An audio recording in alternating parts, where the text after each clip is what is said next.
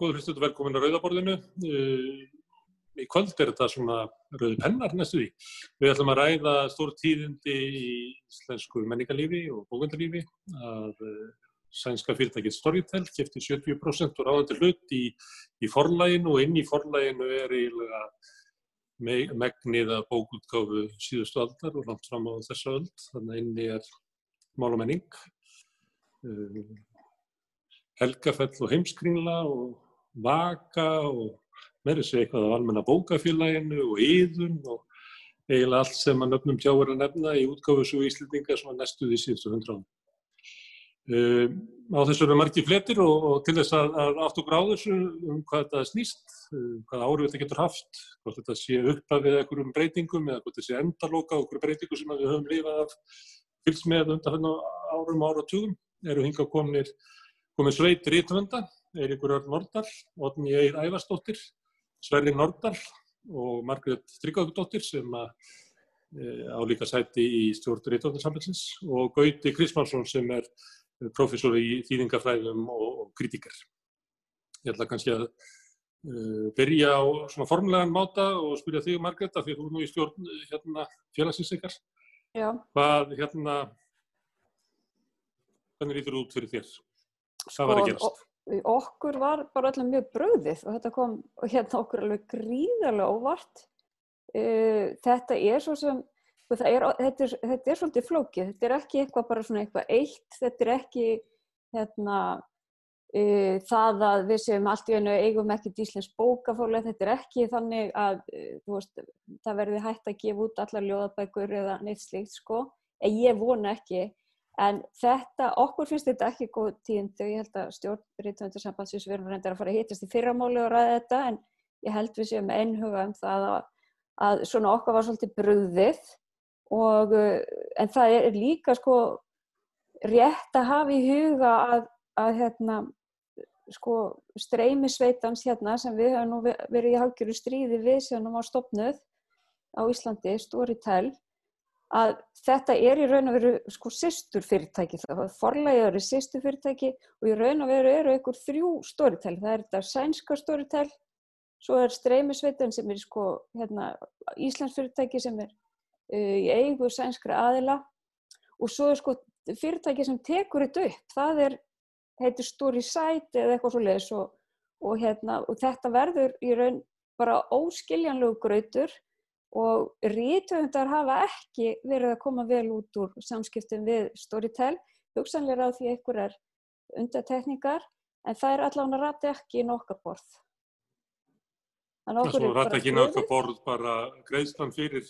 Nei, það, ég, nei, nei það, það er svo sem kemur ekkert inn á okkar því að það er bara greitt í gegnum útgefundur en, en fólk er rosalega mikið að spurja, kerfið er óbúslega ógegsætt, fólk er að spurja um samninga, þeir eru alls konar og þetta er deilisjóður og þetta er óbúslega ógegsett þannig að engin eiginlega veit hvað hann mun, mun fá og við höfum verið að gera kjarakannanir meðal annars um greiðslu frá Storytel. Og það eru greiðslu fyrir hvert streymi frá 20 krónum upp í 200 krónur. Þannig að, að rítöfundar eru ekki að bera rétt sangjættum og býtu fyrir þetta og ásstreymi er kannski 5-6 krónur upp í 40-50 krónur. Við höfum ekki séð mikið hæri tölur. Þannig að við höfum svona ansið mikið vara á og höfum haft það uh, frá því að fyrst var vart við þetta fyrirtæki á Íslandi. Mm. Og það er að sama sem við heyrum frá bara kollegum okkar í, í, hérna, í Skandinavíu. Það er náttúrulega sænst að þetta hefur verið að hasla sér völl víðar samningar í Nóra, ég við skilda réttur skári fyrir rittöfunda í streymisveitunni en svo er hann náttúrulega útgáðan öðruvísi. Og hún, þú veist að muna halda áfram að koma út bækur og pappir og en vonandi þá líka kannski meira úrval hér af uh, rafbókum og hljóðbókum vönduð efni vegna þess að þar höfum við Íslandingar bara verið virkilega aftalega á mérni og við erum, þú veist, við erum náttúrulega eigum þetta tungumál og okkur þykir vengt við það og við þurfum að passa það. Við höfum bara, það er bara, við höfum eiginlega verið að þrýsta sko krökkum og ólingum og fólki út í bækur og ennsku vegna þess að það hefur verið svo óbúslega lítið í bóði á þessu formi sem henda með mörgum. Otni, má ég fyrir því, hvað er þetta að hérna, forræðið um útgáfumál er að fara úr landinu eða er þetta að, að streymisveitan sé komin yfir útgáfuna og geti valdið svona raðað tekjutabi rítumunda sem svipað og tónlistafólk hefur hérna vendi þar sem að þeirra sala á, á LP og eða vínil og gísladiskum hrundi og þá fóru fólk að halda hérna, tónleika til þess að ná einn einhverju tekið en þess að streymisveitunar gá ekki neitt, það voru mestalagi eins og kynning fyrir tónleikana og eða að horfa á þá þróun eða eða að taka þetta svona Já, að, að valdið, valdið yfir útgáfin eigi að vera hérna hjá okkur í íslenska menningu? Sko ég veit ekki alveg hvort það er spurningum sko Ísland og ekki Ísland heldur bara sko alþjóðafyrirtæki og markasfyrirtæki versus um, fyrirtæki þar sem að ábyrðin er meira gegnsæ og hægt að nálgast hana einhvern veginn hérna, og taka þátt í henni og rítumundur á einhvern nátt geti tekið þátt í þessu ferli uh, og það að fara úr landi það, það er yfirleitt þessi spurningum að eitthvað sé ekki lengur á Íslandi það finnst mér yfirleitt, þá, þá festist umræðan kannski á netinu um það að maður sé á móti útlendingum, eða það er bara eins og með hérna, eignarhaldið á orku öðlindunum eða svoleiðis, en málið er að, að, að það er ekki spurningu, það heldur stór fyrirtæki, það er ekki hægt að slummi sækja þau til ábyrð, það er mjög erfitt sko, þannig að þetta er komið yfir í lögfræði pakkan og þetta er komið úr okkar höndum þannig. Þannig að mér finnst þetta að vera mjög neikvæð þróun mér fannst bara sko þegar að forlæð var til úr öllum þessum smá mér þótti á sínu tíma það vera mjög neikvæð þróun líka. Uh, ég er nýbúin að segja mig frá mínum útgefanda þótti að hans sé, það er bjartur og veröld því að það er orðin svona samsetning sem að mér fannst vera bara of mikil. Og ég ætla bara að gefa út sjálf. Uh, þótti að það sé kannski svona ákveðin sjálfsmórs uh, ákverðum en þá finnst mér að bara vera líka ákveðið statement hérna að ég vil ég vil hafa sem sagt, ég vil vera þáttakandi í þessu ferli meira en bóðir upp á. Og til dæmis mín samskiptu við Storytel að það er til dæmis skrifaði útgefandi minn undir samning við Storytel að þess að spyrja mig um leifi ég sé bara allt í nú að það er búið að lesa bókina mína og ég tala við rítumundarsambandi þegar aðlæðið mér að taka vegna þess að Storytel hefði ekki virkneina samninga. Ég bara því miður uh, kom því ekki verk að, að því mér langaði alltaf að hlusta bókina svona af hérkoma áður en ég, en svo náði ég ekki að einhvern veginn downloada þessu appi og myndi ekki Apple ID-ið og borga þessu storytell í áraðan sem ég vissi af. Uh, og en nú ætlum ég semst að taka bókin úr en þetta er náttúrulega mjög leiðinlegt að þurfa þegar einhver hefur gert vel eins og til dæmis bókin manns er lesin af flottum leikurum og ef verða dreifinni, það er svo jákvægt vegna þess að maður, ég er, ég er sko, sko, þetta er ekki spurningum Ísland versus útlöndu, þetta er ekki spurningum bókina versus teknina, þetta er ekki spurningum það, þetta er bara spurningum kapitalisman versus eitthvað annað uh, réttlátara form. Þannig að ég, ég bara auðvitað fagna allir því að, að það eigi að fara að vera hérna, meiri hljóðbóka gerð og og meiri tækni og meiri dreifing, það bara er stórkvöldið sjálfuð sér, en bara ef það væri gert á réttum fórsöndum og auðvitað vitum við ekki núna en maður stórlega efast um það. Eirikur, þú, ég sá eitthvað eftir þér á Facebook, sambandi þetta hvort það væri sko kapitalismin væri að koma núna og þá sagði þú eitthvað, hann er lungu búin að taka þetta allt saman, hann átti prentsmiðunar og bókútgáðunar og bókabúðunar og allt, heila klappi fyrir lungu síðan. Sko, saga bókaútgáfu er náttúrulega saga höfundaréttar og prentsmiðana og hvernig þær tóku yfir. Fyrir að hafa alltaf verið að semst, höndla uh, með þessi andlegu verðmætti eins og smörlíki og ég meina það er einhver staðar, einhver staðar hérna uh, er það óhjákvæmilegt. En mér finnst þess að í þessu öllu saman uh, ég veit ekki, ég hef svolítið veldi fyrir mér hvort að sé vegna þess að ég er ekki uh, að ég er ekki í Reykjavík og ég geng ekki, ég, ég mæti ekki útgefandunum mínum eða, eða, eða, hérna, eða bókmyndamafíinu svona á, á dælugum basis hérna, þótt ég sé kannski ekki mjög fjari heldur en ég, semst, ég upplifi svolítið eins og það sé svona ákveði köpfélagsvald að leysa stöð og hérna það sé, það hafi komið hérna eins og ger, gerist náttúrulega bara þú veist gerist allstaður, ger, gerist í Reykjavík líka er það, það er einhverjar það er einhverjar hérna uh, einhver eitt kapitalist og kemur annar stærri hákall á getura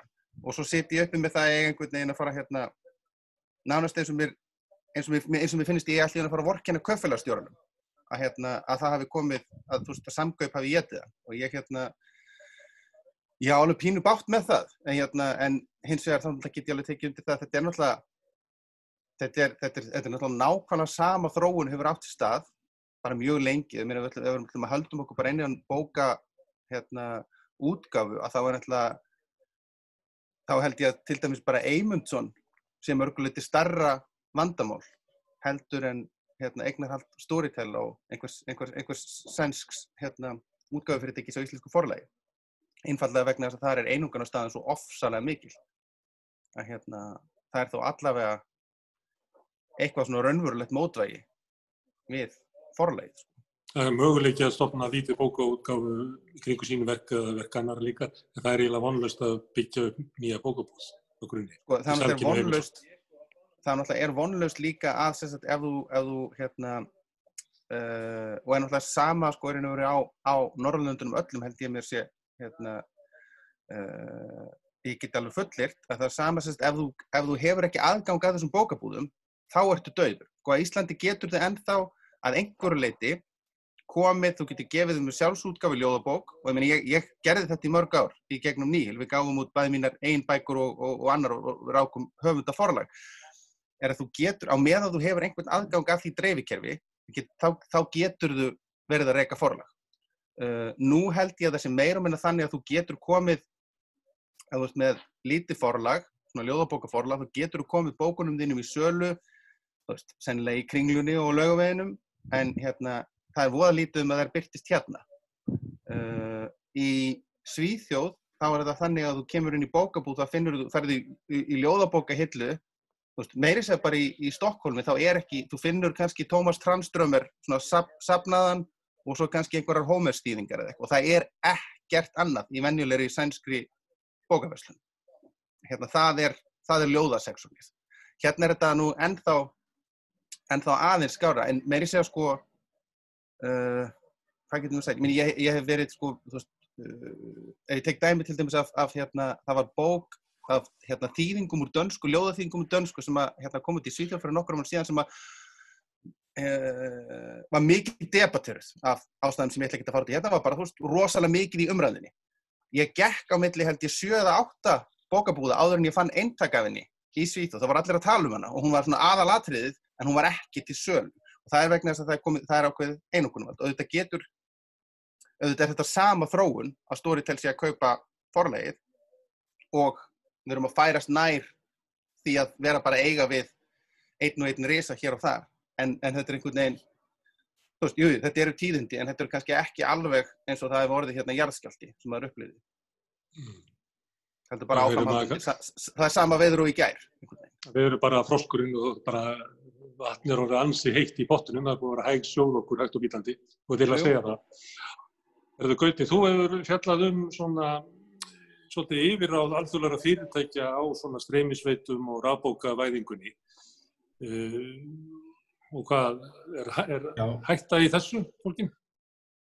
Já, þetta er náttúrulega kannski, maður er nú að rauða borðin, þetta er náttúrulega bara alveg skólabókar dæmi um, um spátumskáðu Karls Marx gamla um, um, um einogunar væðingu kapitalismas.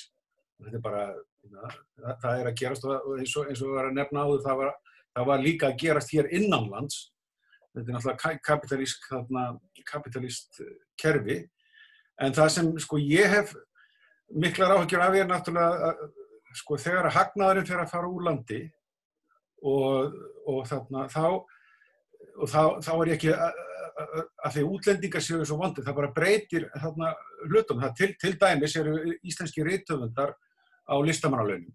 En það er hægt að færa rauk fyrir því að, að, að skattekjurnar af bókum það er dekkað og, og, og þarna, en, en ef það hættir að vera, þá getur nú vel verið að Storytel sér bara um þetta. Skiljið það eru svona svona, svona áhrif sem, að, sem að maður getur ímynda sér. Og, og þarna þetta er náttúrulega peningar sem fara úr landi fyrir íslenska vinnu, einhverju marki auðvitað fá höfundandir eitthvað en það er vitað að það verður lítið og þó að það sé hamraðu því í dag að, að það breytist ekki samningar og annað, það, það segir mér engin að, að svona öflugt fyrirtæki fara að semja af einhverju, einhverju óttablandinni menningalegri virðingu við íslenska rittöfunda. Það, það verður ekki þannig. Það, þeir vilja bara að segja við borgum það sem okkur hendar. Það verður þannig og, og þarna, þó að þessi einhverju samningar til í dag, það, ég er mjög hrettur um að það verður nú bara svona í nokkur ásko og þarna, mm. það er held ég alveg klart. En, en það sem ég hef skrifað um í, í þessu sögulega, það, það er það sem ég hef kallað menningalegt viðbrað. Og það er þannig, ég, með, ég týndi þetta upp sko hér, hvernig það gerist hér á landi, fyrst með rítöld, þá, þá, fó, þá fólst það í því að við fórum að skrif, þýða og skrifa á íslensku sem varum óalgengt. Ég með að Danir, Svíjar og Norrmenn gera það ekki, eða miklu minna. Og það sést á tungumálunum hvað þau hafa breyst miklu meira heldur en íslenskan. Nú sama gerist með, með, með þarna prentinu. Það, það, það er rosalega dýrt að kaupa svona prent, prentverk á þessum tíma. Það er samt gert. Það er kift og, og það, það er, er prentu biblían og, og svo framvegis á íslensku. Og sa, sama gerist hér hérna 2000-stöldinu. Við fáum útvarp mjög fljótlega eftir að svo tæknir kominn. Og svo náttúrulega þegar kanasvarpi kom, þá, þá kom þerrpolítist menningalegt viðbrað það kann vel vel að vera að það hefði verið þjóðrembulegt en, en, en það, það skilaði sér samtíð því að við fengum Íslands sjónvarp og það er heldur ekki tilviljun að svona 10-12 árum eftir að Íslandska sjónvarpi kom að þá byrjaði Íslandska kveikmyndavoruð. Svona, svona hlutir hafa, skipta máli þar, þar sem gróhandin er og við höfum algjörlega glemt þessu með tölvuleiki og netið og þarna og ég hef síðan í Breitlandi hafa, hafa enga aðilar og BBC tekið sér saman og búið til efnisveitu fyrir, fyrir þar. Og það hefði verið hægt að gera hér, ég skrifaði þetta fyrir fimm árum sko, að menn ættu að, að setja upp íslenska efnisveitu fyrir kvikmyndir, bókmyndir, allt sem, sem eru framleitt hér á landi. Og einhvern veginn koma því þannig við að allir íslendingar hefðu aðganga því og gegn einhverju greiðslu að sjálfsögðu og að, að, að þá, þá, þá er hægt að tryggja það að rinni til höfunda, kvikmyndagerðamanna, hverja sem væri uh, bróðurparturinn af tekjunum. Það, það er ekki, það, þetta er, þetta er engin sko gemvísind að setja upp svona plattform fyrir, til þess að dreifa efni. Það, það er, held ég sé, algjör miskilíkur og það þyrtti ekki að vera með einhvern svona, og einhvern alþjóða fyrirtæki. Það, mætti, það væri samt á netinu, það geti einhvern frá Svíþjóð keft sér aðganga íslenski bíómynd eða íslenski bók og, og þannig að hann er bara að borga fyrir það. Mm. En þú ert eiginlega að rekja til svona sem að noti svona orð úr stjórnmálumræðinu menningarlega innviða uppbyggingu á svipan hátt og frentsmið voru fluttarinn inn og sjónvarpið var reist og, hérna, og við byggðum upp kveipmyndasjóð og, og, og það dæmið alls saman. Já, það vantar eiginlega bara að búa til hljóðbókaveitu og annað og rafbókaveitu og allt sem að það, það er betra að hafa það hér innan, innanlands þar sem við höfum stjórn á þessu heldur en að bara tvist á guðu og lukkur. Já, það er ég er þeirra að skoða. Þetta kannski þykir þykir góðgá í, kannski ekki á rauðaborðinu, en þannig að í okkar frjálsíkju samfélagi þá þetta, þetta bara argast af miðstýringar uh, vittlis, en þetta hefur bara staðrind að svona höfum við gert þetta alltaf og það er ástæðan fyrir því að við sittum hér á 2001 og tölum þetta tungumál. En, en Gauti, við vorum saman í stjórn rítuðundarsambandsismanni um árið og, og, og þegar þú varst með þessa hugmynd og við vorum öll sammálið í og þetta var bara við lögðum þetta fram og, en af hverju, af hverju var það ekki að veruleika? Ég veit að ég, ég var ekki í pólitíkinu sko, ég, ég messaði þetta yfir ínsum á sínum tíma og skrifaði greinar en, en það var, ég held að það sé bara, það var ekki andrúslut fyrir þessu sko og þarna, og, og þarna, ég veit ekki eins og hvort það er, er enn komið núna, núna eru menna allt í hrökk á menni í gút en, en þetta hefði alveg verið hægt og er enn hægt náttúrulega en, en þarna, það, það er þarna...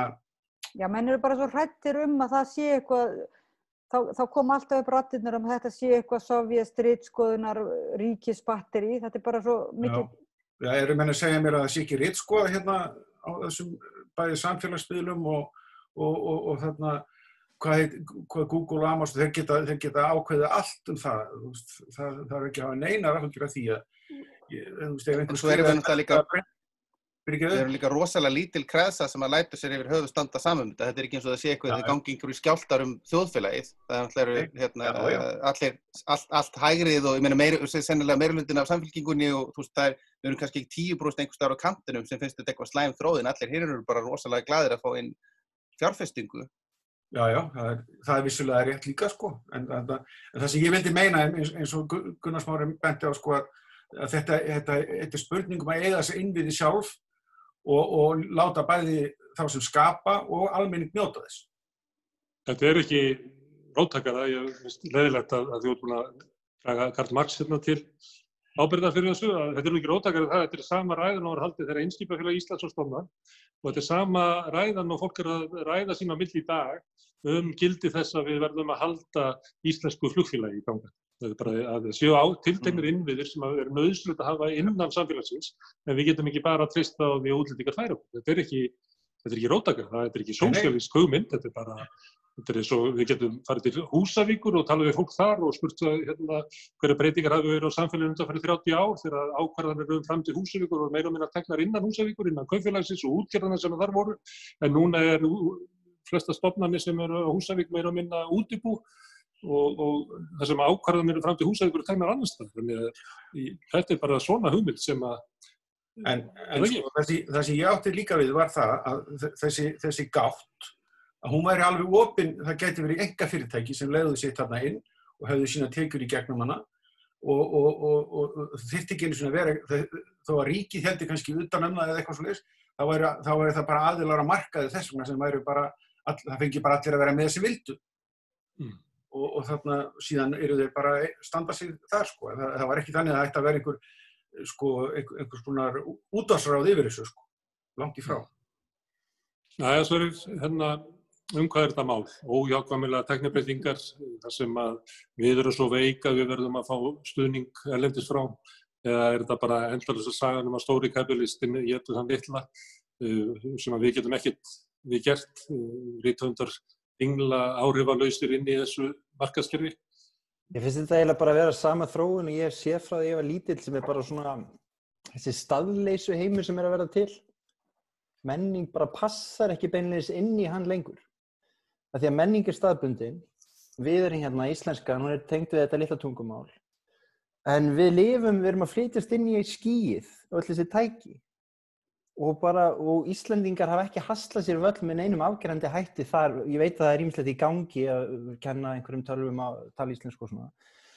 En mér finnst þetta, þetta ógæðanlegt að þýleitunni til að mér finnst þetta að það sé alltaf að færast eitthvað svona vald á færri og færri hendur, stórfyrirtæki og við séum að fara inn í eitthvað svona staðleysi heim sem snýst bara um tæki.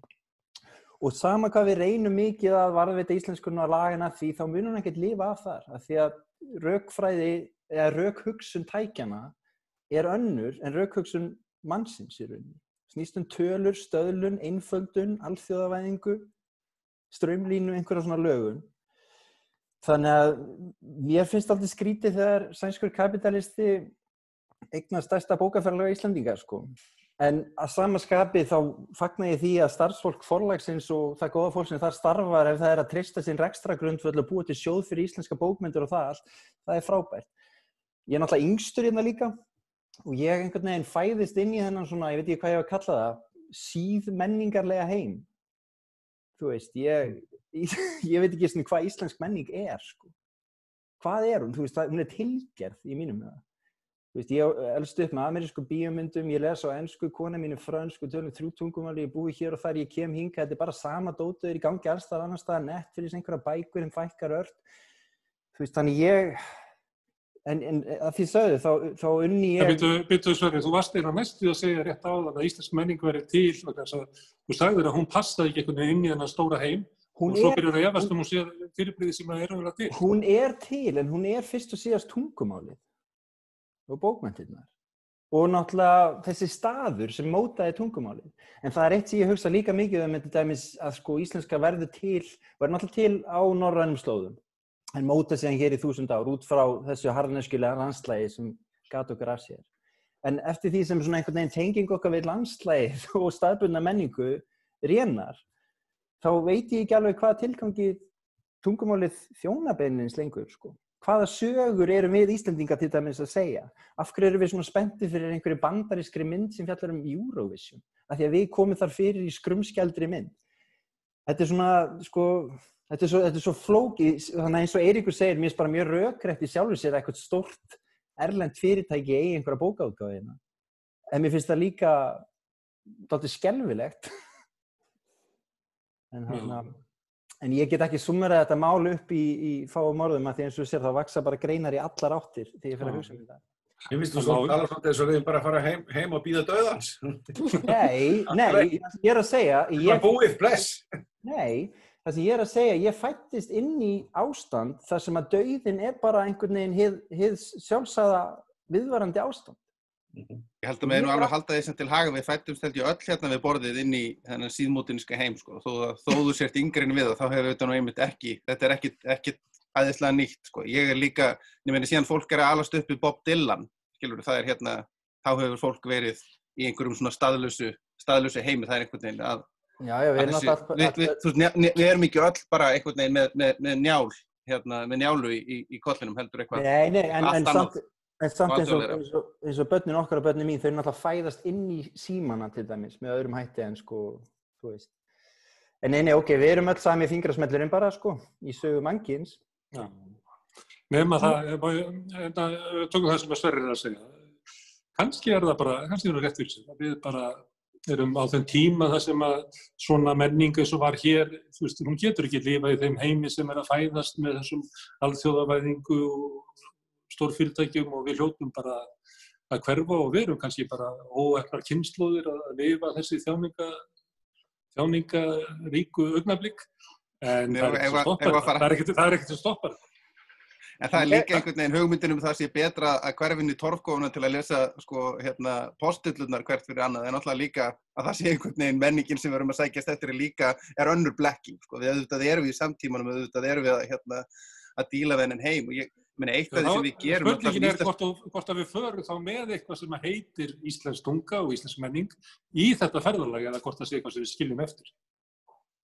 Já, ég meina á Íslands sjónarótt og staðbundur sjónarótt, ég meina ég held að það sé líka, sko, þú veist, það þarf ekki að vera heldur bara Íslands, sko, st- staðurinn, það, sko, perspektífið sem þú hefur sjónaróttnið heiminn, það breytist, sko, ég, ég sitt hérna upp á, upp á, upp á annari hæð og horfum um gluggan ef ég fer niður, þá horfir heimurinn öðru svið og það er önnur saga sem ég segi hérna upp og ég segi hérna niðri. Og það er önnur saga sem ég segi frá Ísafyrði heldur en ég segi frá Reykjavík eða, þú veist, ef ég hef búið í útlöndum eða, skilur, þú veist, það er hvar maður, hvar maður snýsir, þetta er allt saman og þetta erum við alltaf að gera. Og innan þess ramma er eitthvað mjög stórt og mjög breytt og fjölbreytt sem er íslensk menning. En það er svo langt í frá hérna, eitthvað eitt eða það sé einu svona glatast ég skil ekki svona hvernig það ætti að geta glatast þó við værum öll að skrifa ennsku þá væri það í sjálfu sér ekki glat Ég meina það er bara ekki Það getur verið erfiðar að, að, að með að ef ákvarðan sem hún teknar um hvað er gefið út og hvernig er gefið út séu raunverulega teknar af einhverju sem hefur Ég- bara engan áhuga á þessu. ég held að, fjöl, að fjölbreytnin getur minkað sko. að grípa þennan bolta sko frá Eiríki, það er ekkert óbúslega langt síðan að við vorum sko með tvo uh, svona, já, samtíma menn höfunda, Anna heit Gunnar Gunnarsson og hinn heit Haldur Lagsnes Anna skrifa á íslensku og hinn skrifa á dönsku og það eru íslenskir höfundar hérna að skrifa á önsku og bara og ég vil fleiri mánu og Og þriðji skrifað, Þórbergur skrifaði nú Esperanto. sko. já, svo það líka sko þannig að hérna, eh, þú veist og, það, og af hverju var það, af hverju skrifaði Gunnar á dönsku, þess að það var engin markaður og ef við ætlum, ég hef nú oft sagt að íslenskur bókamarkaður sé svona eins og áttundu undir veraldar, því að við erum svo óbúslega fá, og, en samt hefur þetta gengið, en þetta hefur gengið með já, svona alls konar málum, veist, það, það er svona það er svo margt sem hefur hjálpað okkur. Uh, eins og bara til dæmis það, við vorum hérna í hafta samfélagi og það var ekki hægt að flytja neitt inn þannig að bókin var jólagjöf. Og þannig sko, hún kannski, hún er ekki endilega jólagjöf í, öð, í öðrum löndum, hérna var hægt að prenta bækur og gefa þær í jólagjöf og nú er þeir, þú veist, það hinga til hafa verið ómissandi. Það er ekkit, sko, lögmálið að verði svolítið áfram. Ef að við viljum að börnur okkar til dæmis hafa aðgengi að, að bókum, íslenskum bókum sem að endur spekla þeirra uppruna og þeirra samfélag og veruleika, þá verðum við að sjá til þess að þessi gefnir út og þær verða að vera að skrifa þær hér. Annars erum við, jú, það er sannlega þannig að við erum í einhverjum svona fjölmenningalegum heimi nema til dæmis þegar ég fór í morgun í, í lögataslaugin og fannst ég allt í henni vera í 1980 það voru engin að það er mjög undarlegt ástand. En að, venjulega erum við auðvitað í þessum fjölmenningalega heimi og það er bæði vegna þess að samskipti þjóða á milli og fólks á milli eru öðruvísi en það er líka öll þessi tækni. En hins vegar ef að allar sögurnar sem að börnur okkar og við sjálf höfum aðgangað eru upprunnar ann annar staðar. Þá erum við alltaf að gefa sér skilaboð um að sko þeirra veröld, sagt, Ísl, bara veröld fólks á Íslandi sé ekki efni í sögu. Og mér finnst það svo hræðilega skilaboð. Og ég er náttúrulega kannski með hennar barnabóka vingila því ég er alltaf að hugsa um barnabækur og skrifa barnabækur. Mér er svo sko óbóðslega mikilvægt að íslenski krakkar getur upplifað það að þeirra veruleiki og þeirra heimur, skólinn, skólafélagar og bara það sem þau upplifa en degi sé efni í sögur. Þær getur þetta verið í ymsu formi en við erum ekki að fara að búa til fullt af tölvuleikjum sem gerast á Íslandi. Það eru líka sögur eða fullt af bíómyndum eða fullt af sjónastáttum. Hvað er mikið af bókar sem gerast á Húsavík? Um, ég hef ekki gert úttækt sko, en hérna ég menna það eru sannilega einhverja bækur. Ég, maður þurfti náttúrulega að fara, þú veist, yfir það. En ég meina, En, en, þetta, en ég held að, þetta er verkefni, pers, þetta er verkefni Já, já. sko. en ég held alltaf að perspektífið í með Ís- bíómynd. Já, já, já. Einu perspektífið í íslensku bókmyndum er samt rosalega mikið oft, þú veist, böndið við vissa staði og vissan veruleika og vissan, þú veist, og það er, sem endur speklar alls ekki endilega sko, fjölbreytni. lífsins í við erum landinu. líka með íslenskar bækur, bara eins og ný verðlönu bók hérna blokkir að heimsenda sem er íslensk en hún er líka samt stælusisaga. En Mm. þú veist, hún er samt ótrúlega íslensk líka. Og ég menna en það er bók sem á erundi við allan heim. Já, ég má kannski aðeins taka upp hanskan fyrir hérna, þessa bækur sem er ekki skrifaðar í íslensku veruleika. Ég, ég held að Lína Langsokkur sé nú alveg, Algjörlega. hefur verið, uh, hefur orðið að íslenskri bók líka. Það er Sko. íslensk klassík bara. Já, og þarna... Reynið að, reynið að segja sænsku konunum minni það. Ég, ég var að lesa hana fyrir dóttur minni í gær. þarna. Já, já, þetta er, virkar ennþá og, og, og svo framvegis og, og, og svo er náttúrulega, erum við í samtali við uh, bókmyndir en það er spurningin um hvernig við tökum á því og, og þú myndist á glæpasögurnar á hann sem, sem þarna, eh, eða er ég að ruggla saman þáttu, ég heyrði nefnilega jútarpuna að vera að tala um glæpasögur. Það talaði um glæpasögur. Það, ég út. Að og, en það er sem sé glæpasagan sem kemur hérna upp úr um aldamóti síðustu og, hún, er, hún er búin til á, á, á sænsku Mhm. valu, sjö, sjöval og valu og þarna og verður þannig það, það er svona þýðing á forminu að text, texta með því að nota þetta skandinaviska form þá er hægt að gera glæpasögu á íslensku og þannig eru bókmyndir alltaf í samtali við aðra bókmyndir hvort sem það er með beint í gegnum þýðingu eða gegnum áhrifin af, af bara forminu til að mynda. En, þarna, en það, það, það munurinn er þarna, er, eins og einhver sagði hérna í hóknum, er tungumálið.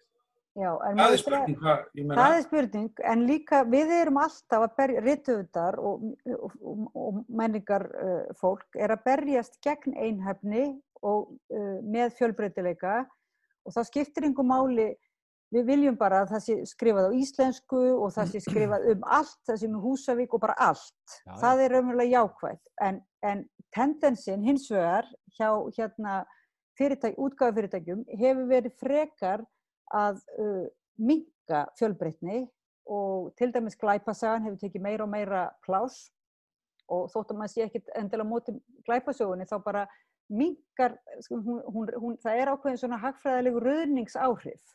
Það er þá minni, hérna, minni, minna pláss fyrir annað bara winner takes all, að, Já, en þess vegna er spurningin samt sko, þess vegna finnst mér alltaf spurning, þetta er ekki spurning um, að- um einu sinni um eins og þetta um að hvort við okkur finnst íslenskan hafa eitthvað, jú, við viljum, það, það, það eigur fjölbreytileikan í flóru bara heims menningarinnar að það sé talað á mörgum tungumálum, skrifa og hugsa á mörgum tungumálum, en hitt er, og tæknin getur algjörlega hjálpað okkur. Tæknin eins og prenttæknin, eins og öll tækni, hún hjálpar okkur að auka fjölbreytileikan. Þið munið kannski þegar að interneti var að byrja, þá voru margar pælingar um hvernig þetta byggja upp þetta internet, en svo var eitt mótil hérna ofan á og hinnar glemdu strax.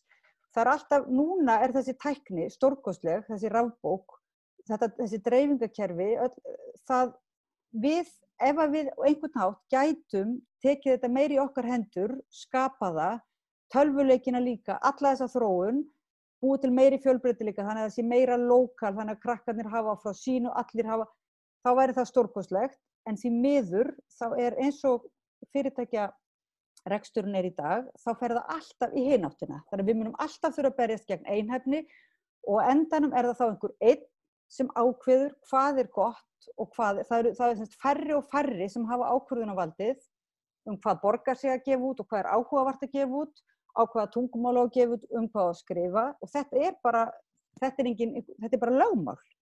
Þetta. kapitalismans að hann leiði til einangunar og einhefni og endan Já. þá sittum við bara uppi með Stalin í Þannig að, formi auðvalsins.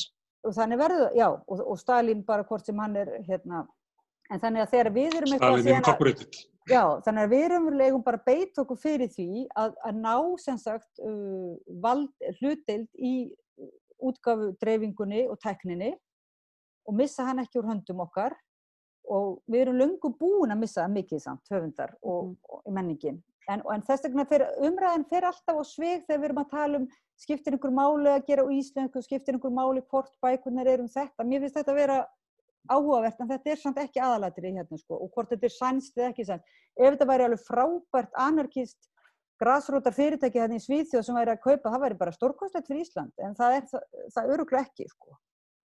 Þetta er skráð fyrirtæki í kaupallinni. Já, en mér langar aðeins að sko það sem að þú veist, það sem ég hef mestan á, mestar áhugjur af í þessu er hérna sko eh, það er það er í raun ekki sko tæknin eða skilur ég, ég er eh, fylgjandi hljóðbókum, ég er fylgjandi rafbókum, ég vil þú veist að við nýtum okkur þetta. En sko ég til dæmis hlustaði á viðtal á Rástögi í gerðmorgun við hann Stefán Hjör, Hjör, Hjörlefsson sem reykur hérna stóri tala Íslandi sem hljóðbókur streymisveitina og hann stærði sig til dæmis af því að þetta hefði bara undir eins og orðið arðbært fyrirtæki. Og ég hugsaði bara já, veist, þetta veltir hálfu miljardi og það er bara pjúra hagnaður. Og Storytel, þetta fyrirtæki sem, sem sagt móðurfélagið, það er ekkert óbúslega mörg ár síðan það var til. Og það er orðið á svo feikilega stuttum tíma er þetta fyrirtæki orðið svo rosalega stórt og hefur sogað til sín svo mikið af peningunum í þessum geira. Það er fullt af fólki að borga, þú veist, eitthvað þrjú skall á mánuði fyrir að fá áskrift að þessu og höfundurum fær 20 krónur, þú veist, þetta er, allur peningurinn er einhvern veginn að fara eitthvað annað og það er það sem er svo óbúslega hérna uh, vond. En svo man ég eftir barnabók sem gerist á Húsvík og, eða það er reyndar unglingabók og það er Nordin eftir hana Hildi Knúts, reyndar sko í framtíðinni en hún er frábær. Það er rétt það. Er. Herðu, ég hérna í dag fór ég inn á tímarit.is sem er eina af þessum tæknilífungum. Það er bara með landsbókasafnið í Mm. vasanum. Nákvæmlega. Og, og tæknin er mjög einföld og við erum til þess að nota þessa tækni og tæknin getur verið valdeflandi og hún er hérna, stór liður í, í, í kraftinum á bakvið Black Lives Matters í, í, í bandaríkjunum sem að fólk er með upptökutæki í vasanum og getur haft áhrif. Eh, Þannig að það er ekki það er ekki bara þannig að tæknin valdefli stórfyrirtækin, að við erum að tala um svona tækni hús kapitalismi og ég fór á þess að á tímariðpunkturi og var að lesa hvað menn voru að skrifa um þegar það var verið að stopna mál og menningu. Það var alveg augljóst að það var draumurinn um að geta raunverulega búið til menningu og svona rými fyrir sem að hentaði alþjóðum manna hugsa og starfa og skipta þessu skoðunum í móta þessu stóðu vegna þess að svo, svo veröld sem að fyrir var var ekki að þjóna hagsmunum alþjóðums og það var, var draumur. Það er síðan löngu setna sem að menn fá þá trú að það sé hægt að hafa þennan draum í samlífi með, með auðvaldinu, kapilist, kapilist. Ég er bladamadur, ég kem inn svona kannski sem önnur kynslu bladamanna sem að gengur inn í þann, uh, þann draum að það sé vél sem að keirir áfram fjölmjöluna og ofan á því sé samfélagslegt þjónusta sem enga fyrirtæki getur veitt og það virkaði þannig í það um heim að, að það var markastrifin aflvél sem að kerði áfram fjölmjöluna en ofan á þeim var samgómlag í, í, samfélaginu um að rítstofnir skildu hafa rítstofnulegt frelsi, að þeir skildu veita almenna þjónustu eða væru að, að ganga erinda eins frekar en annars umfram það sem er samfélagið þóldi. Þetta var alltaf gengið erinda eh, hérna, valdastiftarinnar, en það var svona samgómlag um það. Og þetta gekk í, kannski á Vesturlundum í 60-70 ár og Íslandi kannski í 40 ár, svo bara dói þetta. Og þá lendi hérna, ég og fleiri blaðamenni því að vera alltaf fyrir sig, betur hvað gerum við núna? Þessi, þessi veröld sem við lifðum inn í og höldum að, að myndi ganga. Ég tók meðlast átti því að reyna að koma fjölumölum inn í skráð félag í vonum að það myndi venda það einhvern veginn á, á meiri hátt en, en hérna með því að hafa það í eigu örfara og umanna. En, en við standum aldrei að höfum því að þetta er bara farin, þetta er verðan sem er bara farin og hvað gerum við þá? Þá hugsa maður, það kannski verður við bara að fara til 19. aldar, kannski verður við bara að byrja að finna eitthvað þráðin sem að týndist og það er spurningin, þessu langa hérna, hérna, ingangi að mál og menning var stofnuð á rauðum pennum, meðal annars. Er, getur það verið að réttvöndar og bókvöndafólk standi fram yfir því að samlífið með kaplísku fyrirtækjum hérna, endar, við getum rækið sögumáls og menningar sem að saminast og saminast og svo verða endastara fyrirtæki og Björgulvi kaupir það og, og síðan því bergað út úr ykkur þrótti og það verður aftur eitthvað startup fyrirtæki og, og síðan hérna, verður ykkur samröfnu og eitthvað kiptur út og, og svo bara puff, allt í unni orðið orðið hluti af, af tækni fyrirtæki í Svíþjóð. Getur það verið að, að, að það er bara hugmyndunum það að við getum reglið menningu í samlífi með kapitalísk markasfyrirtæki bara bara, hún bara stendst ekki. Við verðum að fara aftur og finna einhver einfaldari men menningu.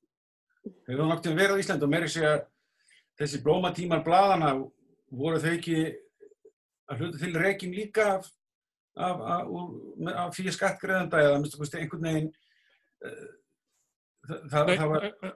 það sem ég er að meina er að sko, flokksblöðin voru eiginlega gamli tíminn svipað á hugmyndin Já. á bakvið stopnum málars og menningar að, við, að menning er hugslón og við erum að drefin á það okkur slíku og, og ríki kefti ykkur auglýsingar í flokksblöðun og helt sem ykkur í afvægi dag. Síðan kom hugmyndinum með DFF og síðan með styrkt morgublaxis, stopnum bylgjunar og stöða 2 að það væri hægt að búa til sko, fyrirtæki sem væri í fjölmjölun, sem væri drifið áfram á markaslógmálum en gæti veitt hinn almenna þjónustu. Þetta er náttúrulega kerfi hrundi endanlega við hrunið og eftir það eru bladamenn bara háðir í að þykja ölmusu af ríkasta kallinu. Mm. Og kannski lendi þið hérna rítvöldir í sömu aðst. Bara, já, já, en sko það er eitt nefnilega í þessari sögu með mála menning, menningu sem er mjög merkilegt, er að, að sko mála menningu var, sem bókafélag var reikið af sjálfsýknastofnum.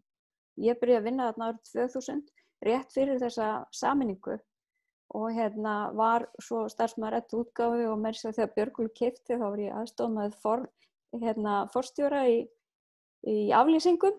En þannig að hérna, e, e, sko, það var eitthvað svona draumur þannig að búa til kannski eitthvað eins og Gauti var að tala um, eitthvað svona eitthvað stórt, eitthvað veitu. Þarna var til dæmis ný, nýmiðluna deilt og hún held ég gaf út eina bók eftir formann eða sem sagt þann deildarstjóra og það átti að vera tónlist og það átti að vera alls konar og þetta fór eiginlega bara lögbind á hausin.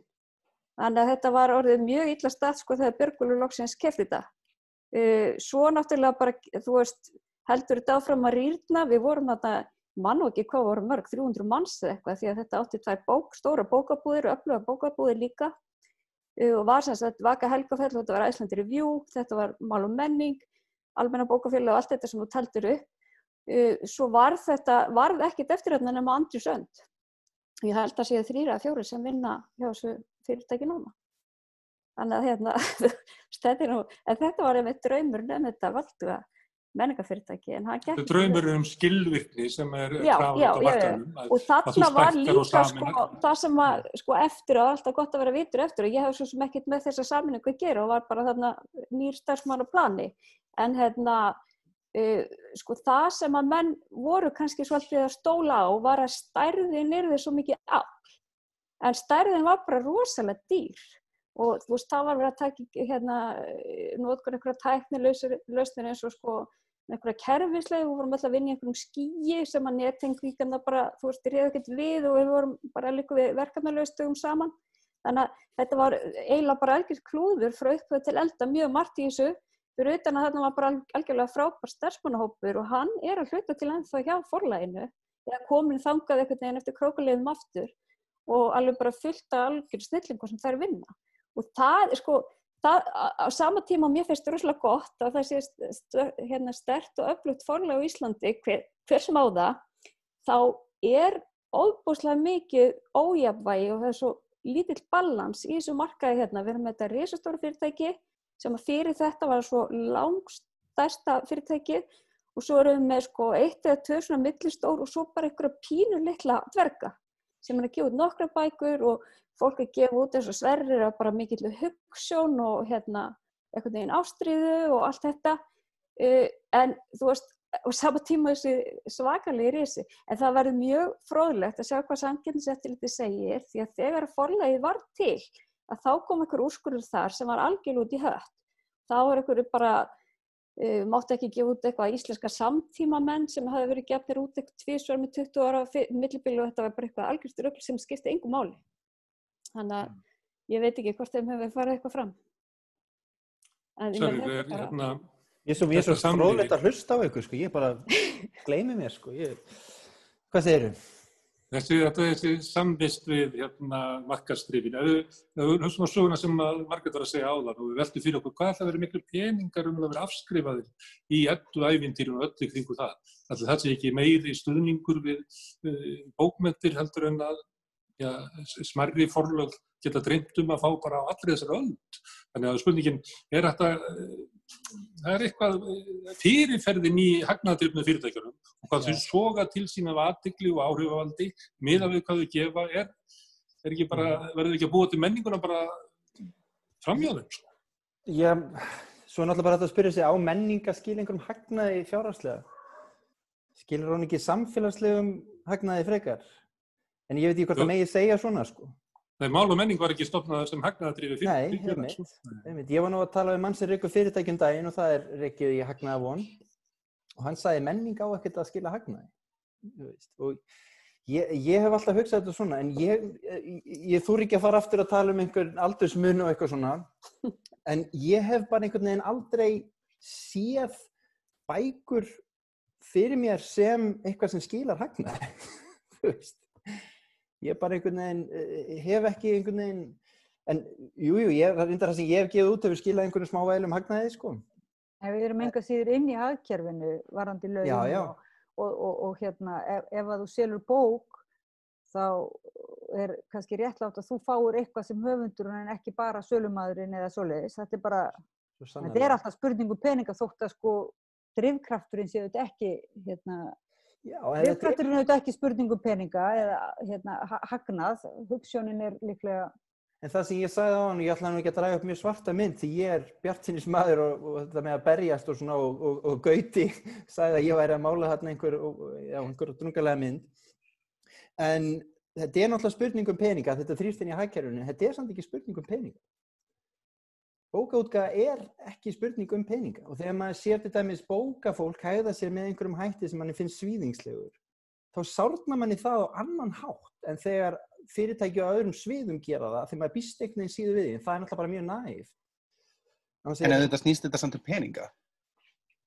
En þetta snýst alltaf um það er, er forriðtunda staða að sko náttúrulega sumir geta leift sér bara efnaðisins vegna að skrifa eins mikið um sínist hérna, vegna þess að það fá peninga einhver starfnastar aðrir eru náttúrulega eins og við kannski flest hérna einhvers konar ríkistarsmenn þannig að það er eitt sem gleymist í þessu öllu sem að íslensk bókaútgóða ber sér nú ekki betur en svo að það fær nú allan um að þetta sem að maður er að fá frá þessum forlögum er náttúrulega ekki upp í nös og ketti. Og svo náttúrulega hitt, ég sá að því að ég sá að Smári var líka deila hérna í dag á, á, á Facebook einhverju sem kom frá stopnumleifisleikum máls og menningar sennilega það sem var talað um sagt, hérna, að möguleikan á að geta gefið út bækur sem fólk hefur efna á að kaupa og það hafa náttúrulega verið eitthvað sem ég held að íslensk menning hafi hérna, algjörlega brúðist í mm.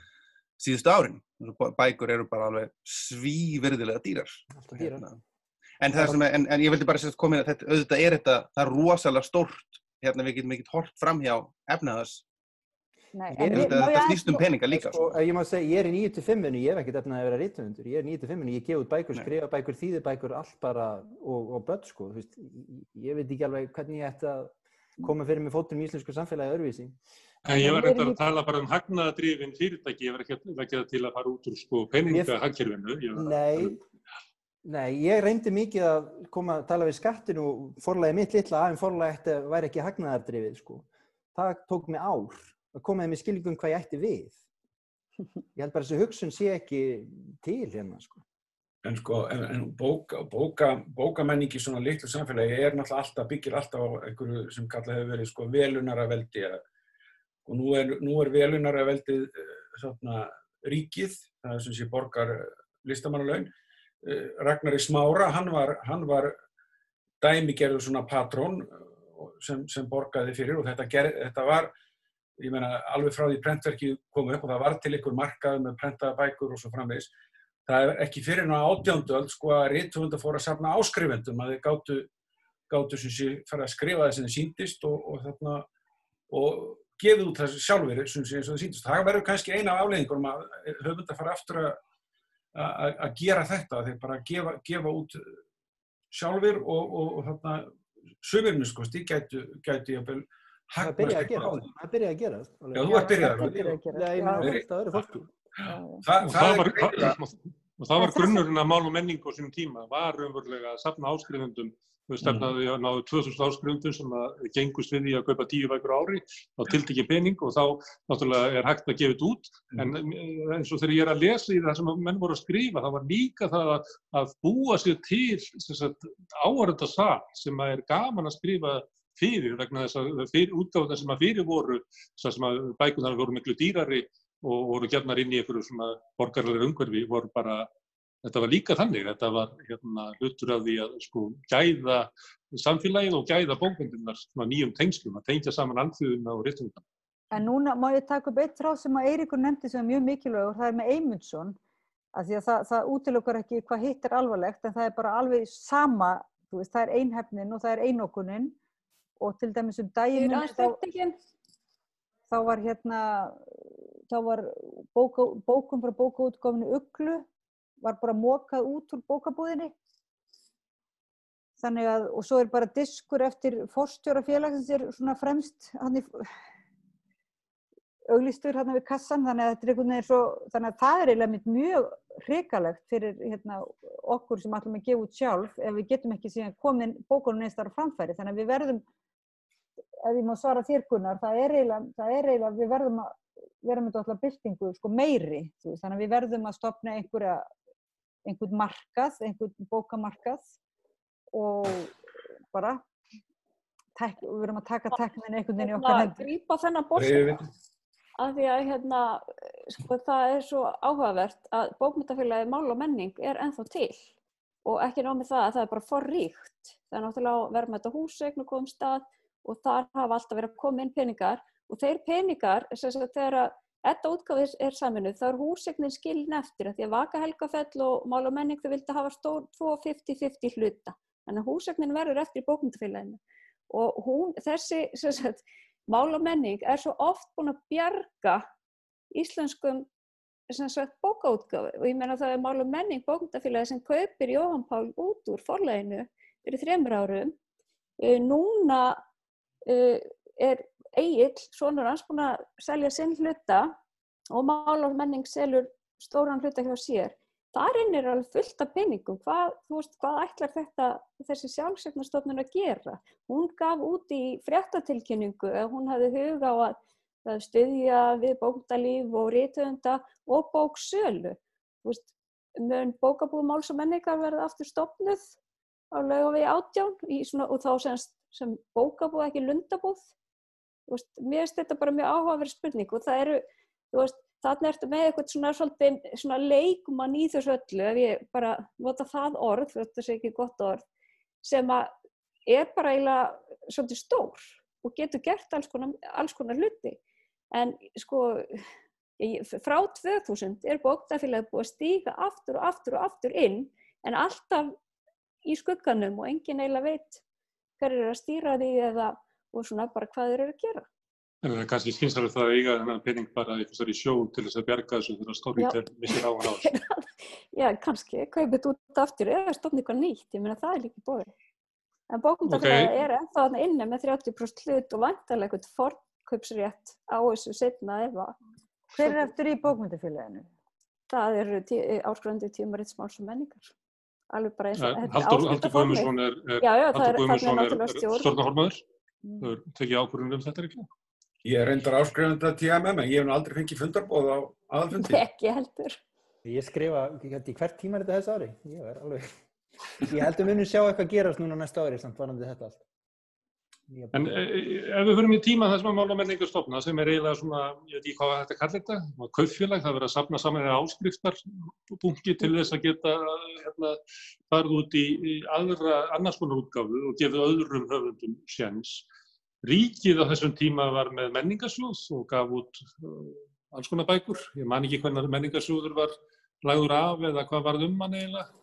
Það er til því Íslenska bókmyndafélag sem er óhagnadrifin svona halv ofunber félagskapur sem að nýtur svona vendar held ég hins ofunberða þó að sé sjálfstæðum grunni sem er svona félagsfyrirbriði sem er alveg til.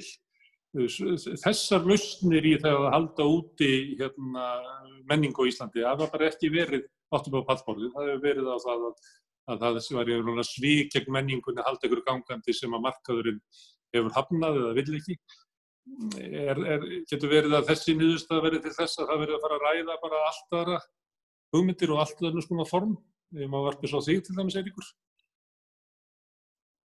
Ég held að það hefur alltaf verið óöfn og það er eitt af það sem er gott, sko hefur verið gott við hérna íslenska bókmenningu er að það hefur verið til þess að gera auðvelt að koma inn í bókabúðir og koma einhvers konar dreifingu til leiðar. Og hérna og þetta sem sagt með að það sé uh, minna með sko þessi hvað er þetta norðin, 20 ár næstum því, síðan ég hérna gaf út mína fyrstu bók, á öllum þessum tíma hefur verið og lengur hefur verið alls konar hérna gróska í uh, sjálfsútgafu og höfundaforlögum sem hafa komið og farið. Og hérna, ég minn ég get sagt það eins og í, í, í, í kringum nýhil sem eitt svona dæmi um, um fremur stóran hópa fólki sem að rak forlag í, ég man ekki hvað þetta voru, hérna, ekki verið sex ára eitthvað sluðis uh, hérna að þá það sem að verður nýhila aldur til á sínu tíma er einhvern veginn ekkert,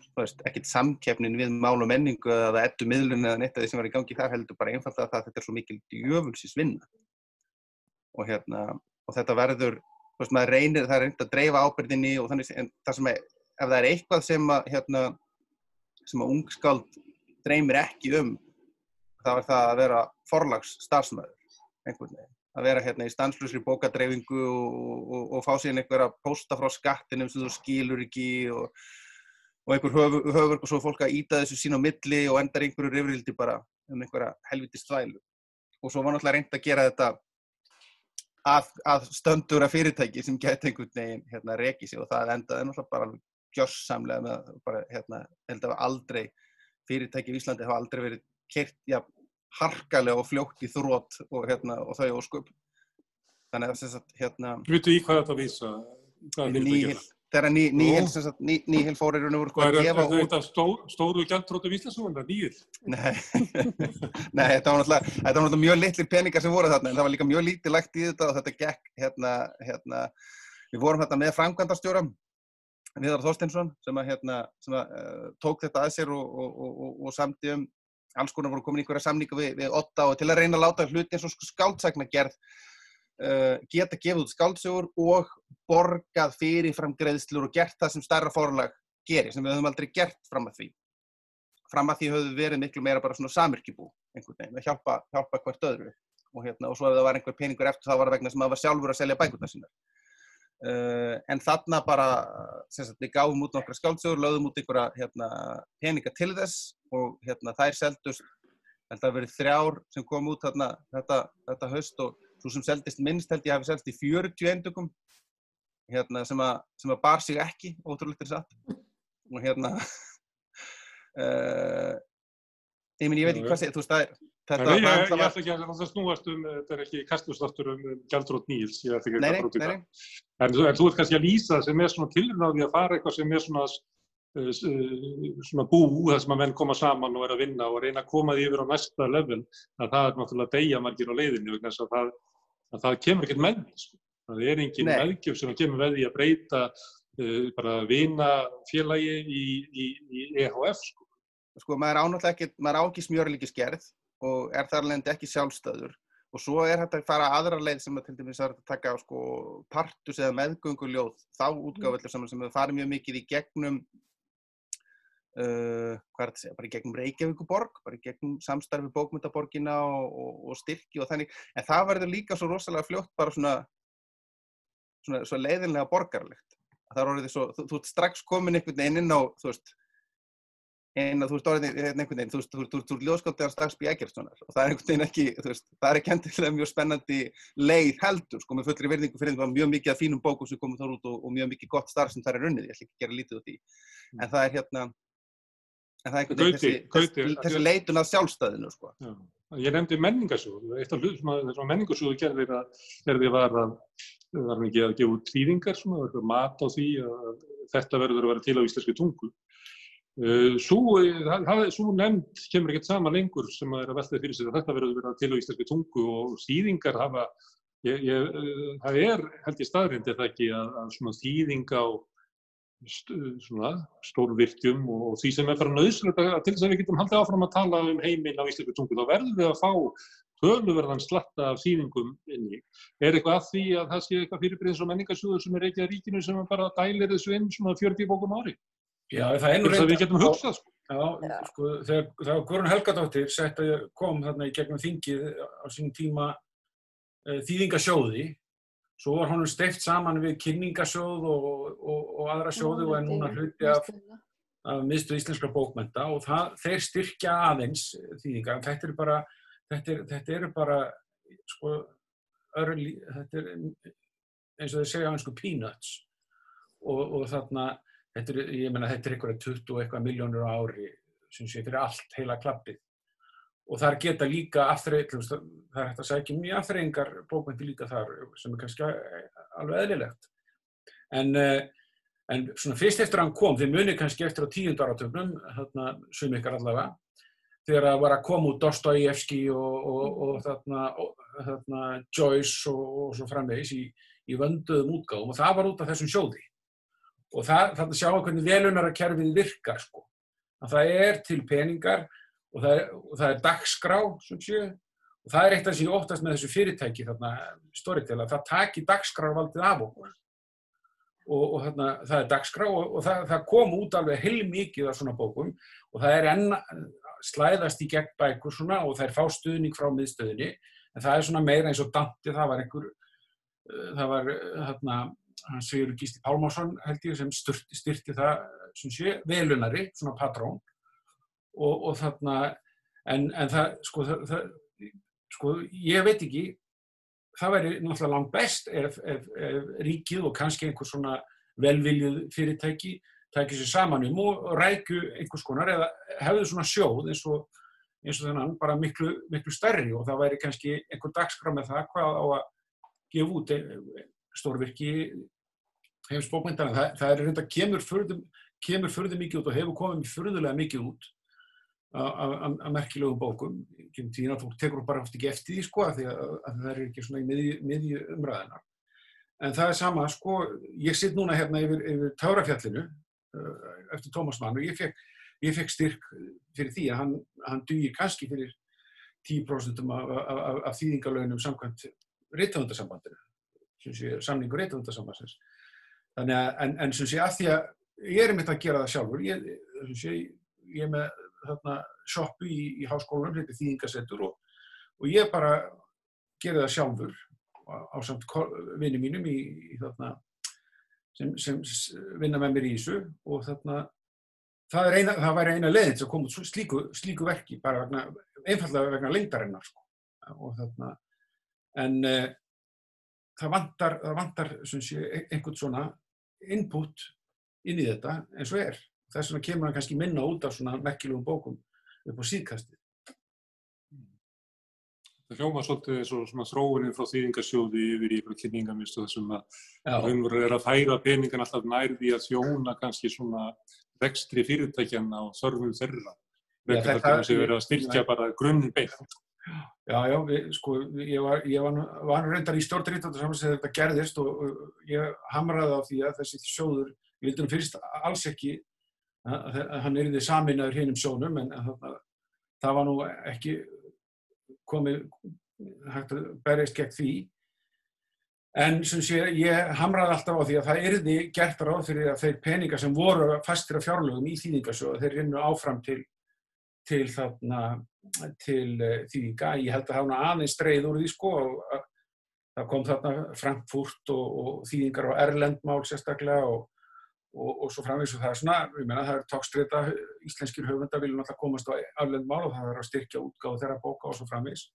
En það er samt sem áður einhverjar myndir 20-30 miljónir sem fara í að styrkja þýðingar á íslensku á hverju ári og það er svona, það væri æskilegt að það væri tölvöld meira því að þá, þá fengist meira af, af, af, af góðum bóku sem, sem okkur vantar. Virkilega, það er alveg ótrúlega mörg gött í menningunni.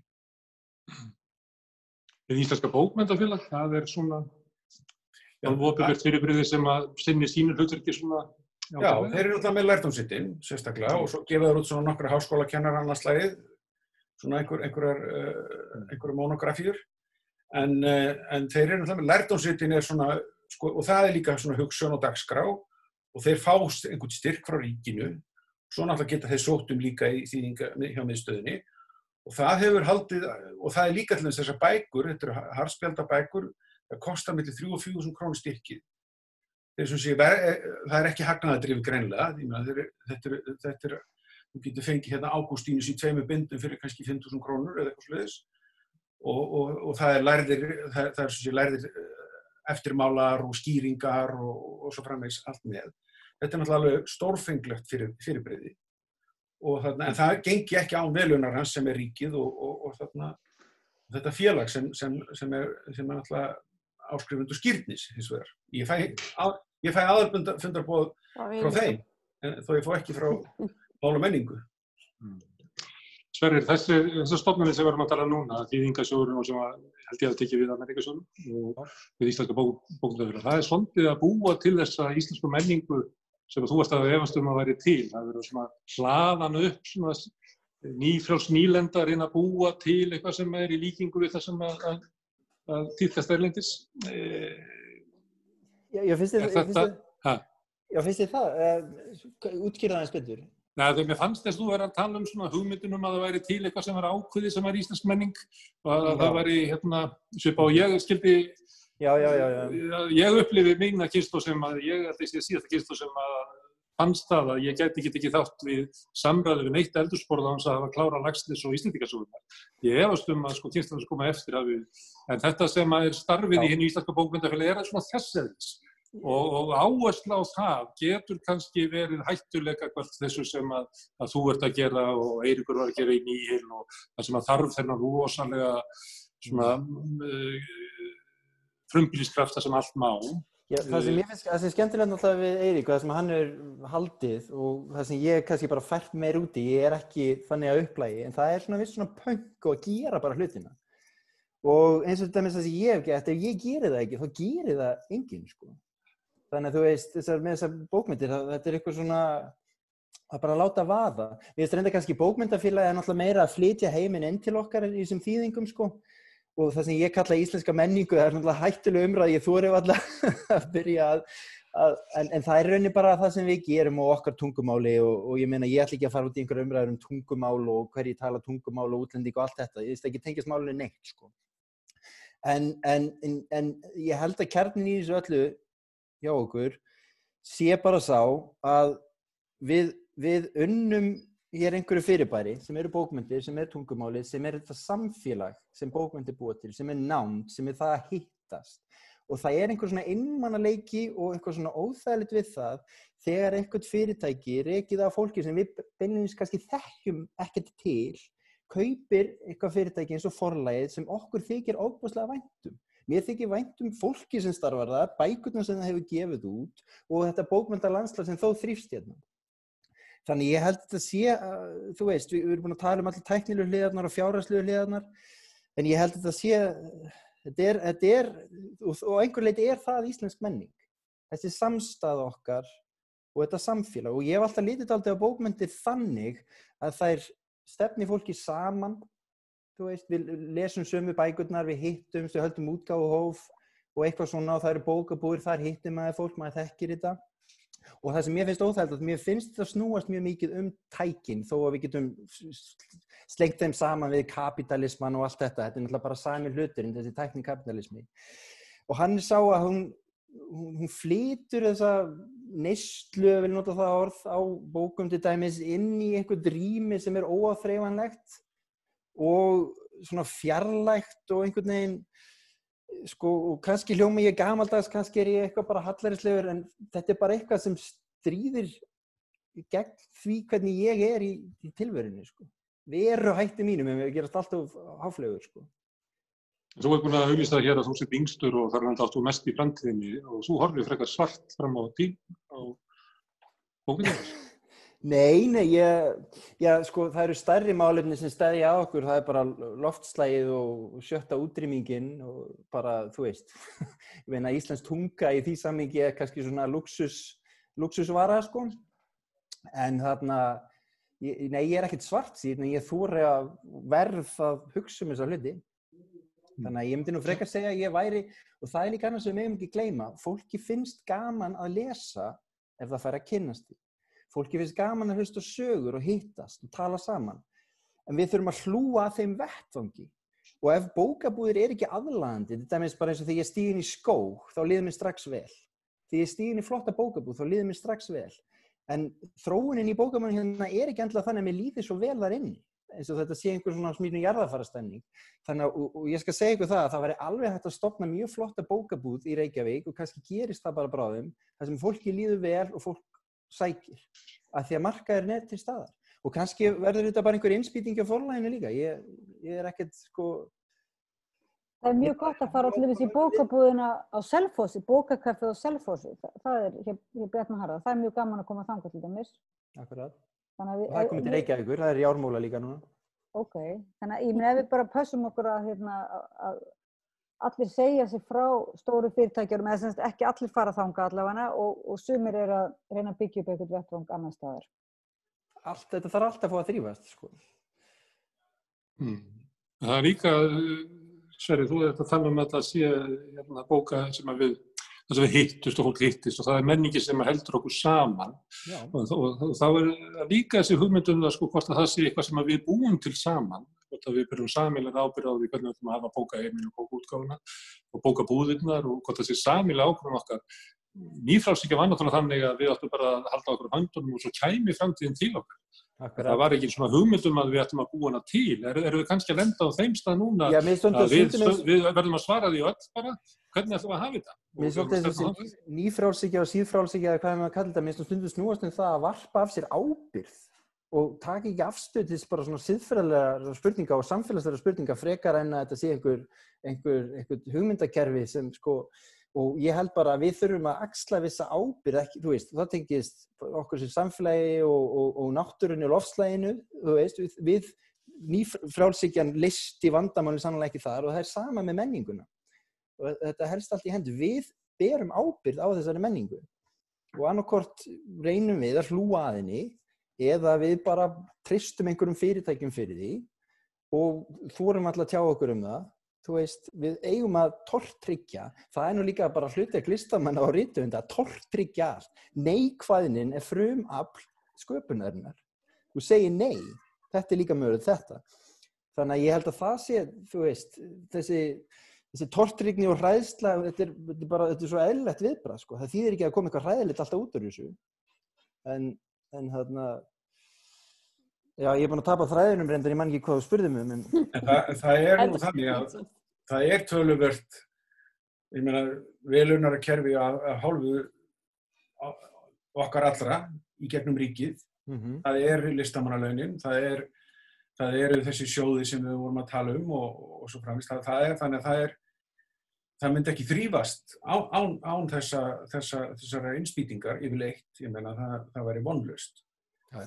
Og hérna, þannig að við erum ekki á valdi markasaflana í, í menningunum á Íslandi, heldur miklu frekar er þetta, er þetta nokkuð breyður ofinber stuðningu sem, sem gerir, og, og það, það má færa sko rauk fyrir því að það gerir þetta lífið í þessu landi bara bærilegt. Þannig, að ef þetta hirfið allt, þá, þá vitum við hvað, ég menna, þá, þá, þá myndum við fara til Noregs eða, eða, eða lengra, sko.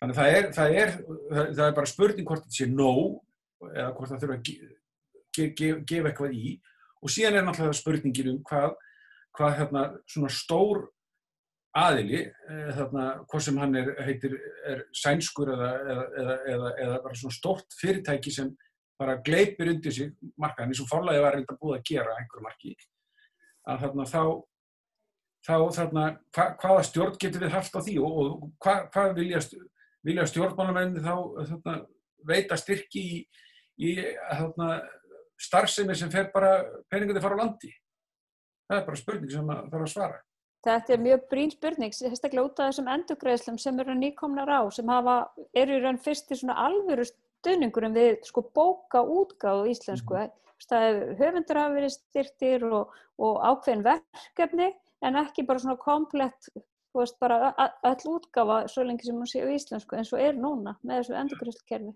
Og það, það er fyrst að komast núna kannski einhver uh, smá, þetta er bara nýkomið í gagni þannig að fyrstu endurgreðslunar eru bara Veist, þetta, þetta er eiginlega fyrsta árið sem að allt er í kerfinu og hérna þannig að þetta er bara, þú veist, hvaða áhrif myndi þetta, viljum við sem samfélag styrkja Já, var það kannski kaup ástöða hérna í storytelling? Já, til dæmis sko, til dæmis, það er mjög, það mjög góð styrking. Það er bara að fá 200-300 miljónir með, með arfin hérna á hverju ári, þá er það mjög fínt. Og, og he, herar niðugreitum starfsmönum, hérna, það er allir, allir höfundur, þeim er kleift að skrifa út af Já öðrum velunara. Þeir peningar náttúrulega einhverju leiti enda inn í hérna, Storytel samsteipunni, þetta segja núna, mm. bara sem vinna. Mm. Herru, það er gott að henda það þátt í spurn um hérna um, hvað Storytel gekk til og hvernig þeir sjá framtíðina og hvað verður út því að við ætlum okkur náttúrulega ekki að svara þeim spurningum hér.